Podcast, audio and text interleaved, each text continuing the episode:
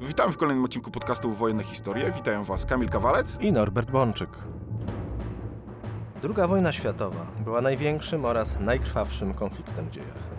Na bazie wielu lat własnych badań naukowych, wertowania tysięcy stron zarchiwizowanych meldunków wojskowych, wreszcie publikowania książek i artykułów, staramy się przybliżać szereg zagadnień związanych z tą okrutną wojną, a także obalać wiele mitów. Jeżeli podoba się Wam nasz podcast, możecie wesprzeć nas wpłatą w serwisie Patronate pod adresem patronate łamane na podcast Wojenne Historie. Albo kupić nam symboliczną kawę w serwisie Buy Coffee łamane na podcast Wojenne Historie. Norbert, pretekstem do dzisiejszego odcinka jest książka, i to Twojego autorstwa, która wyszła na dniach. Pantera Najgorszy Czołg. Pierwsza część tej książki. Powiem, że jesteś największym panterosceptykiem na świecie. Porozmawiajmy o tym, dlaczego uważasz, że ten czołg był fatalny. Zawsze, kiedy o nim rozmawiamy, to jest naj, najdelikatniejsze określenie tego czołgu. Dlaczego tak uważasz? Znaczy, może zacznę od tego, że w mojej opinii zdecydowanie większymi e, panterosceptykami, jak to ująłeś, było wielu niemieckich czołgistów, a zwłaszcza oficerów wyższego szczebla w Generalnym Inspektoracie Wojsk Pancernych i w Dowództwie Wojsk Lądowych Wehrmachtu. Myślę, że tam można wskazać kilku naprawdę prawdziwych panterosceptyków. Dzisiaj, z perspektywy przeszło 70 lat, możemy to analizować zupełnie na chłodno. Natomiast w latach 43-45 dla niemieckiego dowództwa wojsk pancernych ten czołg był naprawdę poważnym problemem. Przyznam, że tytuł Pantera Najgorszy Czołg, w rozumieniu najgorszy czołg II wojny światowej, jest oczywiście kontrowersyjny. Niemniej, jeżeli spojrzymy na konstrukcję tego pojazdu z perspektywy nie czysto technicznej, nie tylko i wyłącznie z, z punktu widzenia specyfikacji taktyczno-technicznej, ale jeżeli spojrzymy na ten czołg jako narzędzie walki, istotny element niemieckiego potencjału wojsk pancernych, a więc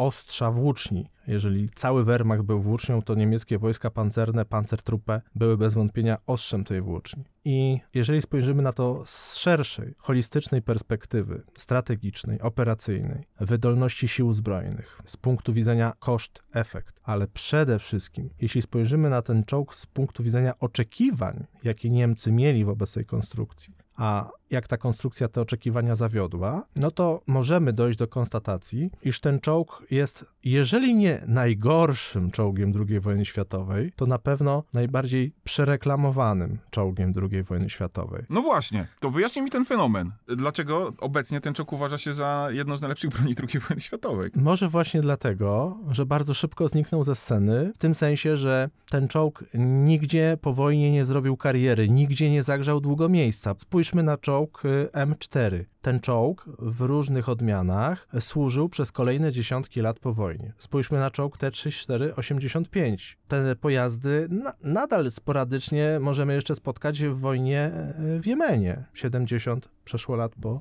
zakończeniu II wojny światowej. A Pantera? Pantera była po wojnie bardzo krótko użytkowana w takich państwach jak Francja, jak Rumunia, jak Bułgaria i w siłach zbrojnych tych państw nie zagrzała miejsca. To znaczy, najlepszym przykładem może być tutaj Czechosłowacja, która po wojnie przejęła na potrzeb własnych sił zbrojnych liczne pojazdy niemieckie, łącznie z dużą ilością czołgów Panzer IV, czy dział sam, samobieżnych Sturmgeschütz. I te pojazdy użytkowała wiele lat, a potem nawet y, eksportowała za granicę jako broń używaną. Natomiast Panther Czesi nie chcieli. Przejęli ich relatywnie dużo, ale nie wprowadzili ich do uzbrojenia, ponieważ uznali, że ten czołg pod względem eksploatacji technicznej będzie przysparzał im zbyt dużych problemów. Również Francuzi po wojnie nie mieli dobrej opinii o tym czołgu. W Armii Czerwonej, gdzie sporadycznie używano zdobycznych panter, również zasadniczo był to czołg niepoważany jako broń zdobyczna. Tygrys dla celów propagandowych, ok.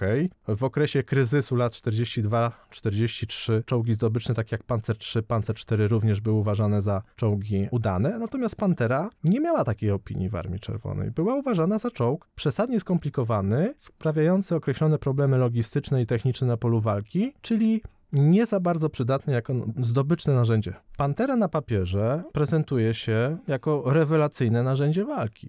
Mało tego, jeżeli wyrwiemy z kontekstu pojedyncze parametry taktyczno-techniczne tego czołgu, no to one również będą przodować. To znaczy, przede wszystkim czołg o doskonałej armacie, o silnym pancerzu przednim, o dużej prędkości, bardzo zaawansowanym technicznie zawieszeniu, o silnej jednostce napędowej, no można by powiedzieć, czego chcieć więcej. Każdy z osobna z tych parametrów prezentuje się w teorii bardzo dobrze. Tyle tylko, że w praktyce w tej konstrukcji jako całości to się nie sprawdziło. To znaczy Heinz Guderian, w roku 1943 zresztą mianowany generalnym inspektorem wojsk pancernych, ukuł takie stwierdzenie, iż silnik czołgu jest równie ważny jak jego armata. Co zresztą przyjąłem jako motto książki, o której wspomniałeś. Czołg składa się z bardzo wielu podzespołów, które muszą ze sobą współgrać i jest tak silny, tak skuteczny i tak dobry, jak najsłabszy z elementów, który go stanowi. Innymi słowy, możesz mieć świetną armatę, gruby pancerz przedni, doskonały silnik, nawet niezłą skrzynię biegów, bardzo dobre zawieszenie, ale to wszystko może czasem nie wystarczyć, jeżeli się okaże, że są błędy konstrukcyjne, jeżeli się okaże, że już na poziomie projektowania czołgu popełniono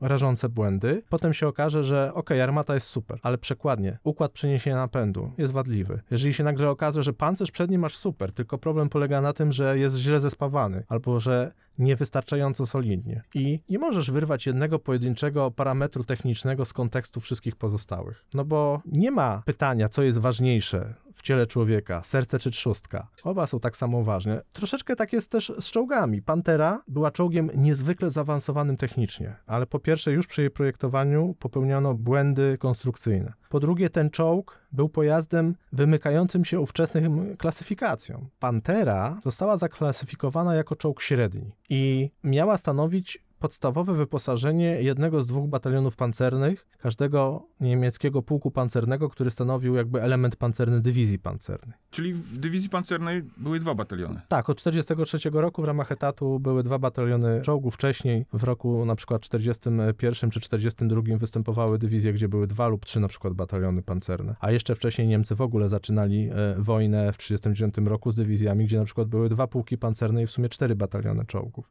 Liczba tych batalionów im stopniowo ubywała z dywizji. I kiedy pojawiła się Pantera, to już zostały tylko dwa. W teorii, tak, bo jak pojawiła się Pantera, to zostało im jeden, na ogół ten bez Panter.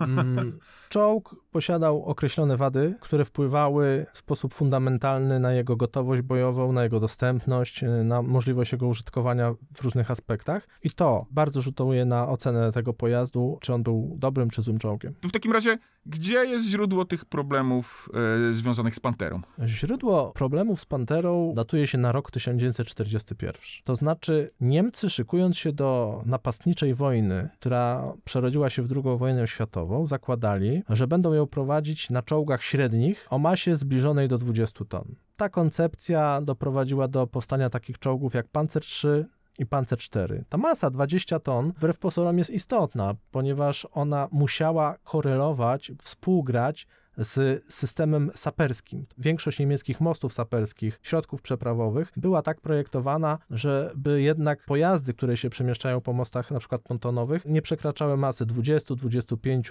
30 ton. W związku z czym niemieckie czołgi czy pierwsze działa szturmowe były projektowane właśnie w limitach masy około 20 ton. To były czołgi podstawowe w rozumieniu najliczniejsze, czyli stanowiły czołgi Panzer III i Panzer IV miały stanowić podstawowe wyposażenie niemieckich dywizji pancernych. I z takimi czołgami Niemcy wyruszyli przeciwko Rosjanom w ramach operacji Barbarossa w 1941 roku i ze zdumieniem odkryli, że ich koncepcja czołgów uzbrojonych w armaty 50 mm w przypadku pojazdów Panzer III i krótkolufowych armat kalibru 75 mm w czołgach Panzer IV, no przestaje się sprawdzać, ponieważ okazało się, że Armia Czerwona dokonała przeskoku technologicznego, a właściwie przeskoku pokoleniowego. Wprowadziła czołgi nowej generacji. Wprowadziła czołg T-34 i wprowadziła czołg KW. Czołg T-34 to był czołg średni, ale o masie powoli zbliżającej się do 30 ton był czołg 20-parotonowy w 1941 roku. Jego charakterystyką było to, że był uzbrojony w armatę 75 mm,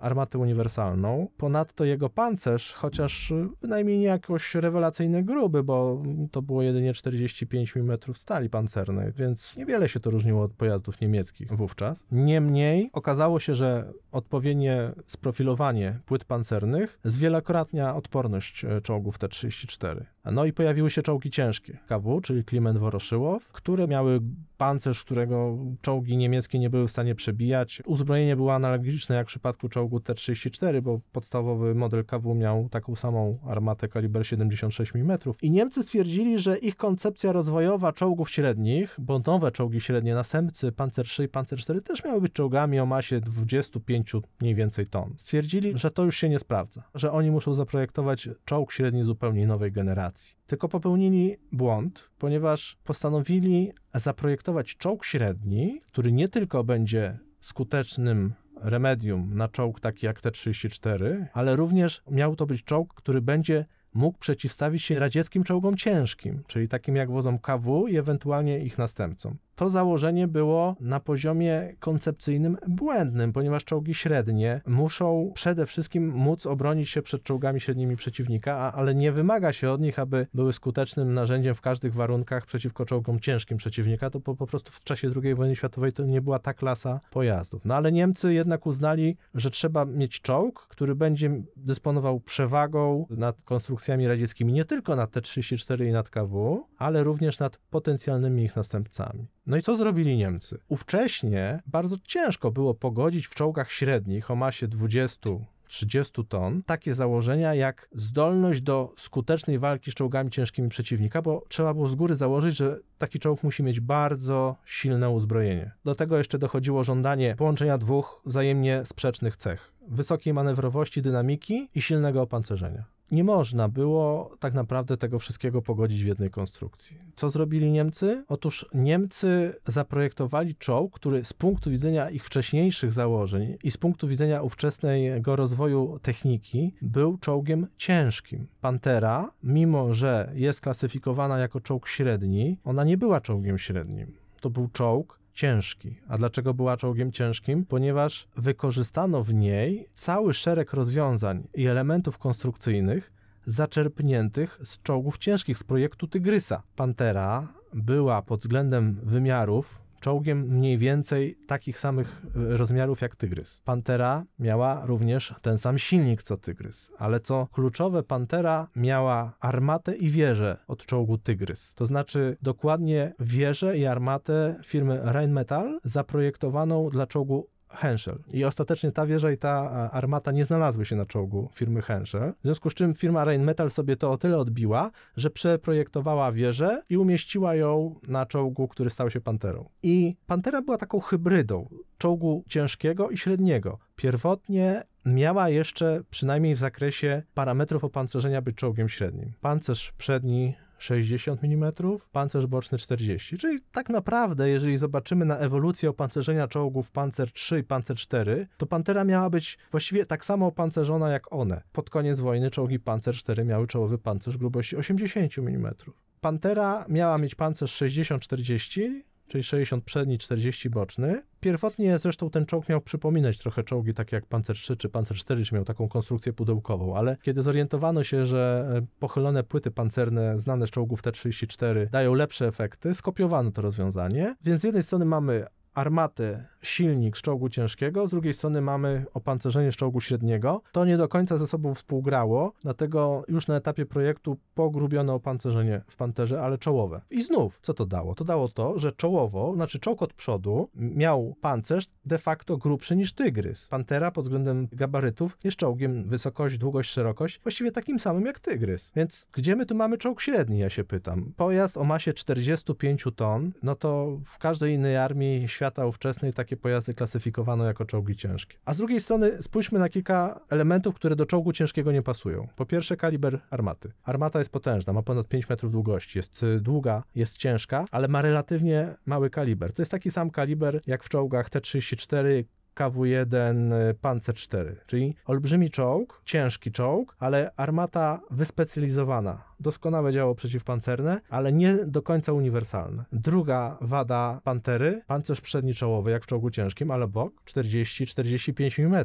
To jest takie opancerzenie jak y, w Panzer 3 czy w T-34. No i rzecz kluczowa, która sprawiła już na etapie konstruowania Pantery, że ten czołg nie mógł być dobrym czołgiem. Pantera jako czołg średni miała być pojazdem masowym, czyli do jej produkcji należało zastosować szereg udogodnień, ale też i uproszczeń przemysłowych. I tym się Pantera różniła od Tygrysa, że zastosowano w niej nieco bardziej uproszczone pod względem mechanicznym elementy przeniesienia napędu, zwłaszcza w zakresie e, przekładni bocznych. One były gorszej jakości, były słabsze ze względu na zastosowanie takich, a nie innych elementów związanych z kołami zębatymi, z przekładniami. Nie były tak trwałe i tak pewne jak w Tygrysie, co dla pojazdu o masie 45 ton przyniosło fatalne konsekwencje, bo najgorszym elementem w Panterze były jej przekładnie boczne, zaprojektowane tak naprawdę dla lżejszego czołgu, które się notorycznie psuły, wyginały, łamały i miały bardzo krótki resurs eksploatacji. To znaczy, tak naprawdę co 150-200 kilometrów trzeba było sprawdzać te przekładnie, bo istniało ryzyko,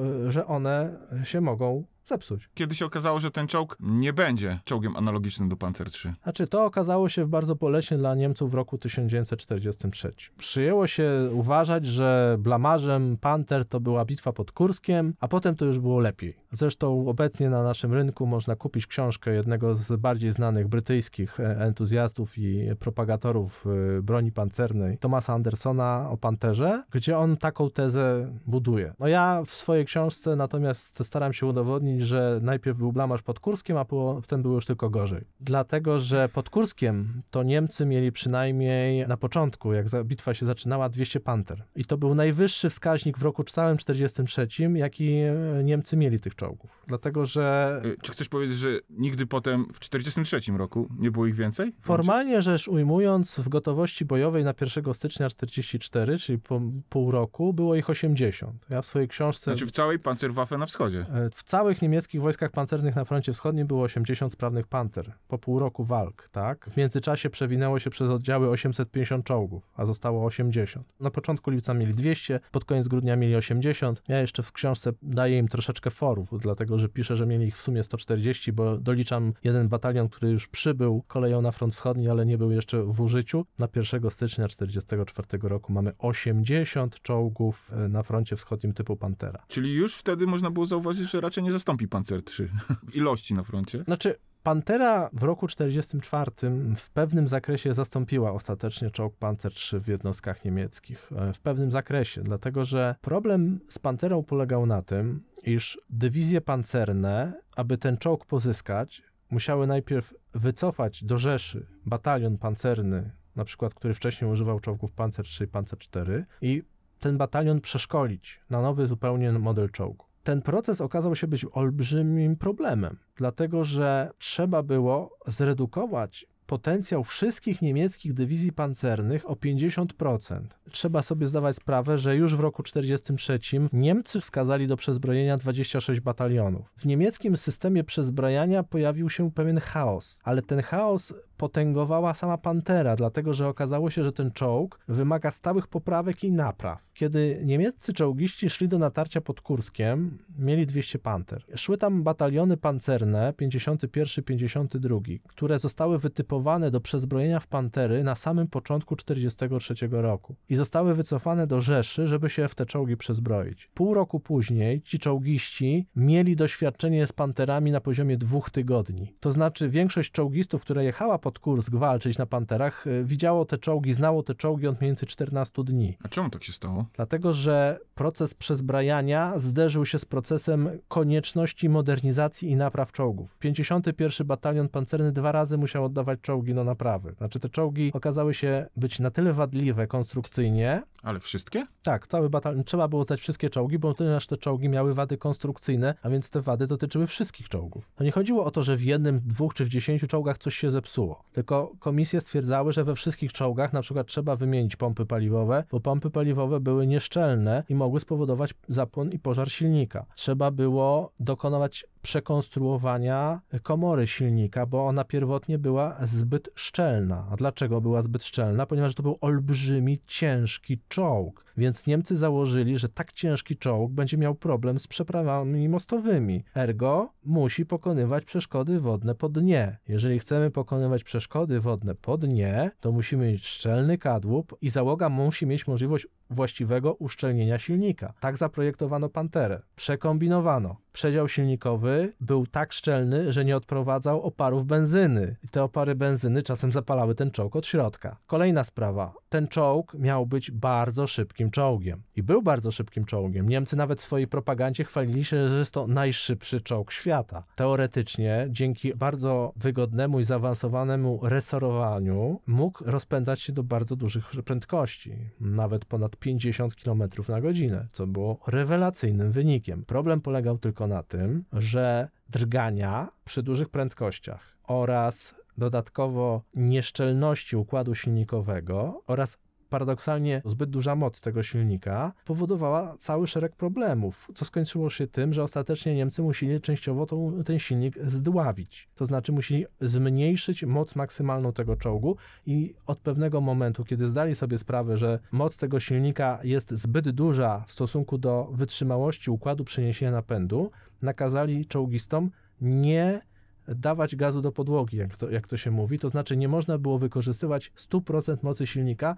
bo to było niebezpieczne dla układu przeniesienia w, napędu w czołgu. Pantera miała cały szereg innych ciekawostek. Pierwsze czołgi, które w ogóle wykonano, okazało się, że były źle zwymiarowane. Czyli na przykład, kiedy obracała się wieża, to zahaczała o przednie e, luki załogi. To trzeba było to przeprojektować. No, czołg miał tyle niedoróbek i tyle wad, że przez pół roku przed bitwą pod Kurskiem zajmowano się ciągłym przerabianiem, poprawianiem pantery. W związku z czym załogi tych pierwszych batalionów dostawały pantery, oddawały pantery, dostawały pantery, oddawały pantery. Skończyło się tym, że w ogóle nie znały tych czołgów. Bataliony na, na panterach idące do, do natarcia pod Kurskiem nie przeszły pełnego procesu szkolenia, mimo że spędziły pół roku w Rzeszy. No właśnie, czy to zatem była przyczyna tego blamażu pod Kurskiem? Blamarzu pod Kurskiem nie powinniśmy rozpatrywać w kategorii tego, ile czołgów zostało zniszczonych, ani tego, ile czołgów zostało obezwładnionych. To są rzeczy istotne, ale z punktu widzenia Pantery pod Kurskiem drugorzędne. Dlaczego?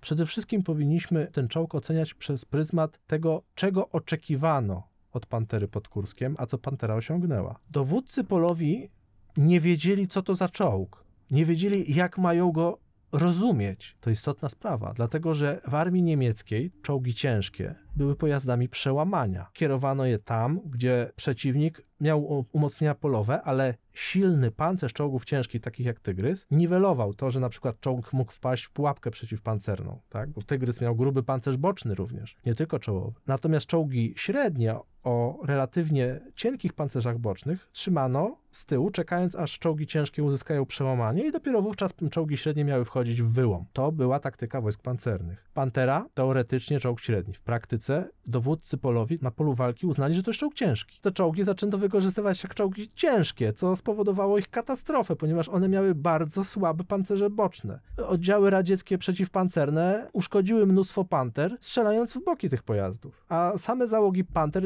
nie do końca miały świadomość, że muszą na to uważać. Że, że nie jeżdżą czołgiem ciężkim? Że nie jeżdżą czołgiem ciężkim, tak. A już przy, przede wszystkim dowódcy. Dowódcy nie mieli tej świadomości. Zadaniowali pantery jak czołgi ciężkie, co się skończyło w ataku fatalnie, ponieważ boczny pancerz pantery można było przestrzelić z lekkiej armaty przeciwpancernej kaliber 45 mm. W związku z czym z boku ten czołg był tak samo wrażliwy jak pancer 3 czy pancer 4. I Oczywiście, pantery miały fenomenalny zasięg ognia. Żaden inny czołg po obu stronach no, nie miał podejścia do pantery, tak? Tygrys miał gorsze zdolności do rażenia czołgów przeciwnika niż Pantera, ponieważ Pantera miała jeszcze potężniejszą armatę w zakresie prędkości wylotowej pocisku przeciwpancernego. A więc można było na stepie eliminować czołgi przeciwnika na odległościach 2-3 kilometrów, chociaż zgodnie z instrukcją walki należało otwierać ogień nie dalej jak z 800 czy nawet 600 metrów w przypadku czołgów KW. Niemniej no, armata była fantastyczna i Niemcy mówili, że mają fantastyczną armatę. To jest czołg pod względem parametrów bojowych doskonały, ale niestety silnik, przekładnia, skrzynie biegów no, nie działają tak jak powinny. W niemieckich meldunkach pojawia się takie stwierdzenie, że żołnierze są zachwyceni zdolnościami bojowymi Panter, ale głęboko rozczarowani ich technicznymi awariami i niewydolnościami. No właśnie, mówiłeś, że po Kursku było jeszcze gorzej. Tak, po Kursku było jeszcze gorzej, bo pod Kurskiem przynajmniej Niemcy, licząc jeszcze uzupełnienia, dowieziony sprzęt i tak dalej, użyli w sumie prawie 400 Panter. W pierwszym półroczu 1943 roku użyto tylko 850 czołgów tego typu na froncie. Dla porównania, no, Rosjanie w tym czasie rzucili na front kilkanaście tysięcy czołgów T-34. Oczywiście Niemcy mieli również czołgi jeszcze Panzer 3, Panzer 4 sztuki i tak dalej, no ale porównanie skali robi wrażenie. Połowę Panter, które Niemcy użyli w roku 1943, wzięły udział w bitwie pod Kurski, właściwie prawie wszystkie zostały stracone. Potem Niemcy posyłali kolejne bataliony, ale przypominało to taką metodę kropelkową. To znaczy do końca roku 1943 na front wschodni skierowano tylko 8 batalionów Panter. 8 spośród 26 wytypowanych do przezbrojenia. Mało tego, w sumie wyprodukowali w roku 1943 ponad 1700 Panter, a wysłali na front połowę tego. A dlaczego wysłali tylko połowę tego? Ponieważ te czołgi trzeba było modernizować, naprawiać, usprawniać i nie można było ich rzucać w tym tempie, jaki sobie pierwotno zaplanowano na front. Czyli problemy techniczne, problemy eksploatacyjne, problemy projektowe zaważyły na tym, że czołg notował wielomiesięczny falstart. Nie było go na froncie, a przypominam, że produkcję czołgów Panzer III już zaniechano, o czym rozmawialiśmy w naszym podcaście o bitwie pod Kurskiem. Czyli z tego, co mówisz, Pantera sprawiła, że potencjał niemieckich sił pancernych się zmniejszył. No, raptownie się zmniejszył. No, jeżeli spojrzymy na statystyki, to Niemcy zaatakowali Rosjan w 1941 roku, mając w dywizjach pancernych 3,5 tysiąca czołgów. I jeszcze w czasie bitwy stalingradzkiej było to 2700 czołgów w dywizjach pancernych. Kiedy szli do ataku pod Kurskiem, mieli w dywizjach pancernych 2,5 tysiąca czołgów, a w grudniu 1943 roku mieli w dywizjach pancernych 1000 czołgów. Czyli mamy tu, obserwujemy tu stopniowy zjazd gotowości i zdolności bojowych wynikających z tego, że w pewnym momencie przestaliśmy produkować dotychczasowe czołgi, a ich następcy nie chcą się pojawić na froncie. I to jest na poziomie strategicznym i operacyjnym olbrzymi problem. A kiedy ten kryzys y, w niemieckiej broni pancernej udało się Niemcom zażegnać? Kiedy było tak, że przezbroili tyle batalionów, ile zamierzali? Nigdy nie przezbroili tyle batalionów, ile zamierzali. Znaczy niektóre dywizje pancerne nigdy do końca wojny nie dostały swoich panter. Latem 1944 roku Niemcy krótkotrwale osiągnęli wysoką wydolność produkcyjną w zakresie czołgów. Wówczas panter powstawało najwięcej. Znacznie mniej niż oczekiwano, czy było potrzebnych, ale jednak relatywnie dużo. I latem 1944 roku ten czołg, nie można powiedzieć, że stał się masowym, bo on nigdy nie był czołgiem masowym. Natomiast no, pojawił się w nieco większych ilościach na froncie, czyli tak naprawdę rok po swoim debiucie, półtora roku po rozpoczęciu produkcji. Ale znów, wtedy Pantera nie miała już swoich wszystkich przewag. Także z tego powodu, że Niemcy coraz bardziej cierpieli na problemy surowcowe, czyli mieli problem z dostępnością uszlachetniaczy do stali pancernej i od jesieni 1943 roku musieli oszczędzać na spawach. Innymi słowy, czołgi produkowane w Niemczech w roku 1944 czy 1945 były słabiej zespawane niż produkowane w roku 1942 czy w 1943. To podkreślali zresztą dowódcy na polu walki, bo czasami było tak, że Pantera otrzymała cios ciężkim pociskiem przeciwpancernym, który i owszem nie spenetrował jej pancerza, ale pancerz urwał się na spawach. Czołg jest bezpowrotnie stracony. Innymi słowy, Niemcy w roku 1944 wyprodukowali ich tych panter już więcej, częściowo je zmodernizowali, ale pojawiły się inne problemy. Z tym czołgiem był jak z krótką kołdrą. Naprawiliśmy z jednej strony, to wyszedł problem z innej strony. A niektórych elementów, tak jak powiedziałem w przypadku przekładni bocznych, tego nigdy nie udało się rozwiązać, bo tu był błąd na poziomie projektu technicznego. Poza tym Pantera to jest czołg porażek. W tym sensie, że Niemcy na lekkich czołgach zawojowali pół Europy, a na czołgach cięższych już się tylko cofali. To ma niebagatelny wpływ na efektywność, czy raczej dostępność czołgów na polu walki. Armia, która się cofa, ponosi znacznie wyższe straty bezpowrotne niż armia, która zwycięsko naciera, dlatego że wszystkie obezwładnione, uszkodzone, zepsute czołgi, kiedy nacierasz, pozostają na twoich tyłach, możesz je ściągnąć i naprawić. Natomiast jeżeli się cofasz, nie masz takiej szansy. Pod Kurskiem, na ten przykład, największe straty bezpowrotne, podkreślam to słowo bezpowrotne, Niemcy w Panterach nie ponieśli, kiedy atakowali. W lipcu 1943 roku wojska marszałka Mansteina prowadziły natarcie. Pantery poniosły wówczas straty, ale większość uszkodzonych ogniem przeciwpancernym i na minach czy też w wyniku defektów technicznych czołgów, Niemcy scholowali na własne tyły i one przepadły dopiero w sierpniu, kiedy Rosjanie przeszli do własnej operacji zaczepnej w kierunku na Charków, to wtedy Niemcy, nie mogąc ewakuować czołgów z warsztatów naprawczych, musieli je masowo wysadzać. I to właśnie wówczas poniesiono największe straty bezpowrotne w Panterach w czasie bitwy pod Kurskiem. Nie w lipcu, ale w sierpniu 1943 roku. I potem z każdej kolejnej operacji było tak samo. Czołgi, jeżeli się zepsuły, trzeba było często je wysadzać, porzucać. Ponoszono bardzo duże straty marszowe, ponieważ y, prowadzono odwrót. Kursk jest takim symbolem porażki Panter, natomiast w mojej ocenie o wiele większym blamarzem Panter są walki jesienią 1943 roku na Ukrainie w czasie walk o utrzymanie linii Dniepru. Dlatego, że Niemcy zaangażowali tam kilka świeżych batalionów na Panterach, które przeszły już modernizację. To już był model tak zwany Aufs A, który został poprawiony. A jednak te czołgi ponosiły bardzo duże straty techniczne, znaczy z przyczyn marszowych. Znaczy czołgi wchodziły do walki, psuły się skrzynie biegów, psuły się przekładnie, psuły się silniki i Manstein liczył na to, że serią gwałtownych kontrataków uda mu się utrzymać linię Dniepru, ale nie był w stanie tego zrobić, ponieważ jego dywizje pancerne było ich po pierwsze za mało, po drugie wchodziły do walki w rozproszeniu, a po trzecie nie miały tej przebojowości, na którą liczył marszałek Manstein, ponieważ bardzo szybko większość czołgów tych dywizji wychodziło z walki. No i o ile Sztuga czy Panzer 4 jeszcze w miarę szybko dawało się naprawić, z Panterą było wiele większy problem. Posyłamy do walki batalion i liczymy na to, że odniesie sukces, ale kiedy on maszeruje z pozycji wyjściowej na pole walki, połowa czołgów nam się psuje. Jeszcze nie mamy kontaktu z przeciwnikiem, a batalion zaczyna nam się rozpadać. I to była proza batalionów Panzer V w czasie walk na Ukrainie w roku 1943. No to był olbrzymi problem dla Niemców, bo wady techniczne były równie skuteczne jak Armia Czerwona w walce z Panterami. Ale jeszcze był trzeci problem w tym wszystkim. Pantera spalała olbrzymie ilości paliwa. Pod względem logistycznym zabezpieczenie batalionów Panter było olbrzymim problemem. W czasie walk na Ukrainie jesienią 43 oraz zimą 43-44 olbrzymia liczba czołgów została przez Niemców porzucona, wysadzona w powietrze albo w ogóle zdobyta przez Armię Czerwoną, ponieważ nie można było odpowiednio dotankować tych maszyn. Jedna Pantera spalała więcej niż dwa czołgi Panzer III. Ktoś powie, no okej, okay, ale jedna Pantera to jest, może zrobić być może na polu walki więcej niż dwa pancerze. To nie jest prawda. Dwa czołgi zawsze mogą zrobić na polu walki więcej niż jeden, bo mogą zastosować manewr, bo można zastosować jakąś taktykę walki, bo mamy dwa czołgi, a nie jeden. Ale okej, okay, zgódźmy się, że jedna pantera będzie bardziej wydajna na polu walki niż dwa pancer 3. Tylko jeżeli mówimy o logistyce, to jedna pantera spala więcej paliwa niż dwa czołgi pancer 3. 10 panter spala więcej paliwa niż 20 czołgów pancer 3. 1000 panter będzie potrzebowało tyle paliwa, co 2000 czołgów Panzer III.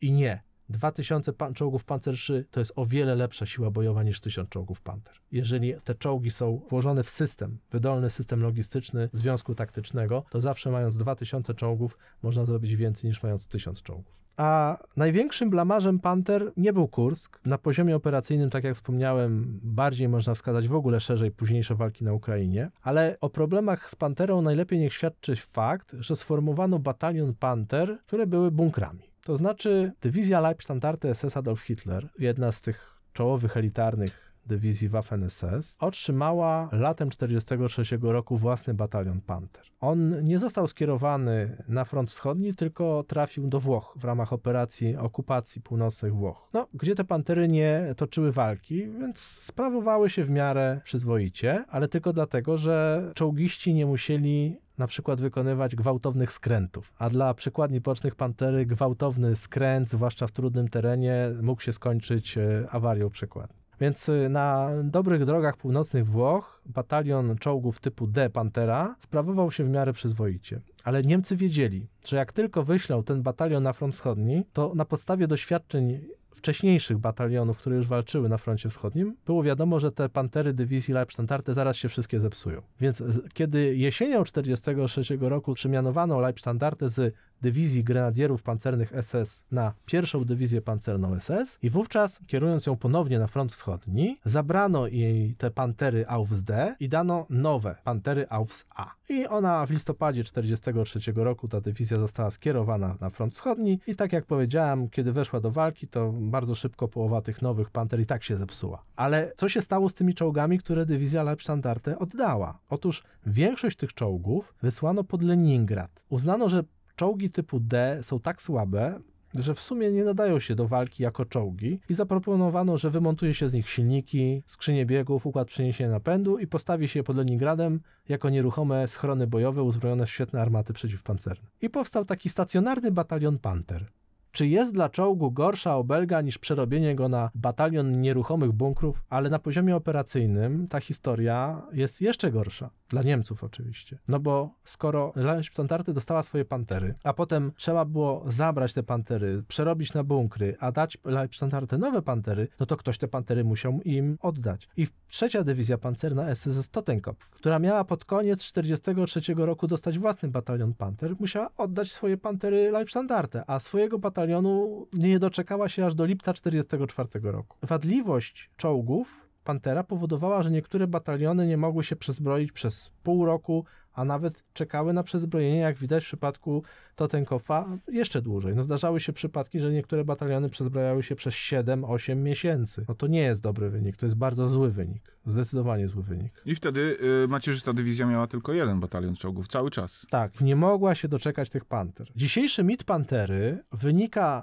z tego, iż patrzymy tylko na wyrwane z kontekstu wybrane parametry taktyczno-techniczne. Troszkę jakbyśmy grali w grę. Na polu walki nie toczy się gry. Pole walki weryfikuje każdą konstrukcję przez pryzmat wszystkich jej parametrów, a nie tylko wybranych. Czyli nie tylko armata, ale i wiele innych cech. Solidny pancerz czołowy Pantery, bardzo słaby pancerz boczny. Potężny silnik, nieszczelny problem z pompą paliwową. Bardzo szybki, dynamiczny czołg, ale problemy ze skręcaniem, problemy z jeżdżeniem w trudnym terenie ze względu na słabe przekładnie. No, wszędzie znajdziemy jakieś ale. Nie było w czasie II wojny światowej czołgów idealnych. Psuły się wszystkie czołgi, ale niektóre psuły się częściej, a niektóre czołgi psuły się rzadziej. W niemieckiej armii pod względem statystycznym najczęściej psuły się pantery. I nie tylko, że psuły się najczęściej, bo one często psuły się na takim poziomie jak tygrysy, czyli to znów było takie porównanie trochę do, do czołgu ciężkiego. Tylko powtarzam, czołg ciężki ma prawo zepsuć się częściej, bo to wynika z jego konstrukcji. Czołg średni powinien być jednak bardziej niezawodny. Jeżeli spojrzymy na niemieckie statystyki, to się okaże, że Najskuteczniejszym, najsprawniejszym niemieckim pojazdem w 1943 roku był Sztuk, potem były czołgi Panzer III, Panzer IV, a dopiero długo, długo, długo później Tygrysy i Pantery. Ale najbardziej awaryjnym czołgiem była Pantera. Były takie momenty, że sprawności technicznej znajdowało się tylko 20 30% tych czołgów, a pozostałe znajdowały się w naprawach. Problem leżał nie tylko w tym, że to był czołg awaryjny. Ten czołg był zbyt skomplikowany technicznie, więc kiedy już się zepsuł, to bardzo ciężko się go naprawiało. Z jednej strony były problemy z częściami zamiennymi, a z drugiej strony był problem z naprawą bardzo skomplikowanych mechanizmów. Znaczy nie można projektować czołgów o tak skomplikowanych podzespołach, no bo wymienić, wyprodukować części zamienne, no to są olbrzymie problemy. Siła czołgów nie leży w wybranych aspektach taktyczno-technicznych, takich jak siła ognia czy opancerzenie. Podstawową siłą czołgów jest ich masowość. Broń przeciwpancerna, miny, teren obezwładnią setki czołgów. Chodzi o to, żeby móc szybko czołgi zniszczone i uszkodzone móc zastąpić nowymi czołgami. No i to rozumieli Rosjanie i Amerykanie. Niemcom chyba przyszło ze zrozumieniem tego troszkę gorzej. Tak, Niemcom zdecydowanie przyszło gorzej, co skończyło się dla nich e, i ich wojsk pancernych ostateczną klęską. A wszystkim fanom Pantery, jeszcze raz polecam twoją książkę, może troszkę zmienią e, zdanie na, na, na temat tego najgorszego czołgu II wojny światowej, że tak powiem kontrowersyjnie. Znaczy, ja pozostaję wierny swoim e, przekonaniom, które na łamach takich czasopism jak Poligon czy Technika Wojskowa Historia na temat Pantery wyrażam już od wielu lat. Staram się pokazać jakość czy też skuteczność czołgu w szerszym kontekście, to znaczy w kontekście strategicznym, operacyjnym i taktycznym, a nie tylko na podstawie tego, że na przykład miał solidny pancerz czy doskonałą armatę. No to link do twojej książki umieścimy tutaj w opisie tego odcinka. Tutaj żeby... też chcę wyraźnie podkreślić, iż nie skreślam Pantery w sposób całkowity. To znaczy, podobnie jak po wojnie Czesi, nigdy nie byłbym zainteresowany, aby siły zbrojne państwa, gdzie byłbym decydentem, zostały uzbrojone w Pantery, bo ten czołg po prostu byłby problem, większym problemem niż zyskiem. Chociaż nie odbieram na poziomie wybranych parametrów taktyczno-technicznych, pewnych zalet tej konstrukcji. No, nie był to przecież tak prymitywny, licho wykonany czołg, jak choćby radziecki lekki T-60, czy niektóre czołgi japońskie. No, to była jednak konstrukcja dosyć zaawansowana, ale jednak ze względu na wady konstrukcyjne oraz ze względu na to, jak te wady konstrukcyjne i inne problemy wpłynęły na możliwość wykorzystania czołgu, to w relacji koszt-efekt uważam, że Pantera była po prostu pomyłką. I tym mocnym stwierdzeniem może zakończmy ten odcinek. Dziękuję Ci ślicznie. Do usłyszenia. Do usłyszenia. Dziękujemy za to, że byliście dzisiaj z nami. Czekamy na uwagi o tym odcinku zarówno na Facebooku, jak i na Instagramie, jak też i na YouTubie. Wszędzie tam możecie nas znaleźć, wpisując naszą nazwę, czyli Podcast Wojenne Historie. Dziękujemy Wam bardzo również za wsparcie, jakiego udzielacie nam w serwisie Patronate. To dla nas niesamowita sprawa i daje nam to niezwykłego kopa do dalszego działania. Bardzo za to dziękujemy i do usłyszenia do następnego odcinka.